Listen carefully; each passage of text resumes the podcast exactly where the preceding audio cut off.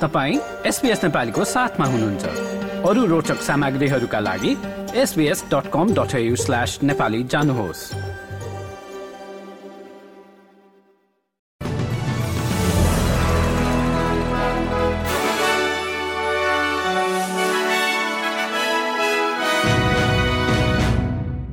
नमस्कार। आज शुक्रबार सत्र नोभेम्बर सन् दुई हजार तेइस।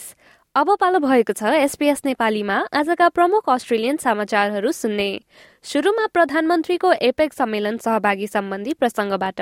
प्रधानमन्त्री Anthony Albanese Asia Pacific economic cooperation leader सम्मेलनमा सहभागी हुन सान फ्रान्सिस्को पुगेका छन्। फोरममा भाग लिँदै अमेरिका चीन क्यानाडा जापान र इन्डोनेसिया जस्ता देशहरूले दिगोपन जलवायु परिवर्तन र हरित ऊर्जा जस्ता विषयहरूमा छलफल गर्ने बताइएको छ। सम्मेलनमा अमेरिकी राष्ट्रपति जो बाइडेनले इन्डो पेसिफिक क्षेत्रका नेताहरूले न्यून उत्सर्जनलाई हासिल गर्न विश्वका अन्य देशहरूप्रति जिम्मेवारी वहन गरेको बताएका छन्। साउथ अस्ट्रेलियाका पुलिस कमिश्नर ग्रान्ड स्टिभेन्सले रिजनल क्षेत्रमा रातमा एक पुलिस अफसरलाई गोली हानेको घटनाले पुलिसको काममा रहेको जोखिमबारे झकझकाएको बताएका छन्। त्रिपन्न वर्षीय ब्रेभेट सार्जन जेसन डोइकको बोर्डर टाउन नजिकै भएको गोली हानाहानमा मृत्यु भएको जनाइएको छ। अर्का पुलिस अधिकारी सार्जेन्ट माइकल हचिन्सनलाई पनि गोली लागेपछि अस्पतालमा उनको उपचार भइरहेको छ भने घटनामा तेस्रो प्रहरी अधिकारी कन्स्टेबल रिबेका कास भने सकुशल रहेकी छन्। अर्को प्रसङ्गमा उत्तरी न्यू साउथ वेल्सको हडसन आगो निभाउन मद्दत गर्ने क्रममा झरेको रुखले ठक्कर दिँदा एक स्वयंसेवी अग्नि नियन्त्रकको मृत्यु भएको छ।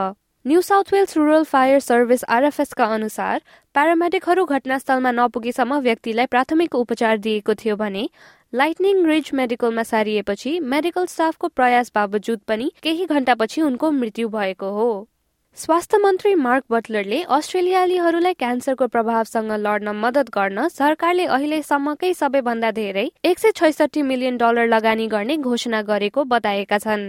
यो रकम क्यान्सर नर्सिङ र नेभिगेसन कार्यक्रमको विकासका लागि उपलब्ध गराइनेछ जसले बिरामीहरूलाई घातक रोगबाट बच्न मद्दत गर्नेछ। अब खेलकुदमा फुटबललाई जोड्दै बुल्गेरियाको खाली स्टेडियम बाहिर हिंसक झडपमा भएको समयमा जारी खेलको स्टपेज टाइममा आत्मघाती गोल गरेपछि हङ्गेरीले लगातार तेस्रो युरोपियन च्याम्पियनसिपका लागि क्वालिफाई गरेको छ।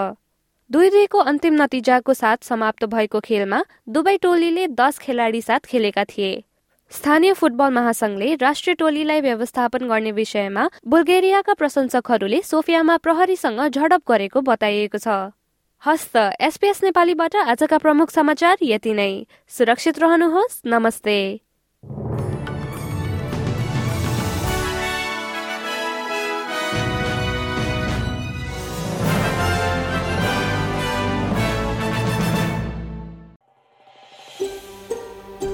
यो जस्तै अन्य प्रस्तुति सुन्न चाहनुहुन्छ? एप्पल पोडकास्ट गुगल पोडकास्ट स्पोटिफाईमा हामीलाई खोज्नुहोस् वा तपाईँले पोडकास्ट सुन्ने अन्य सेवामा।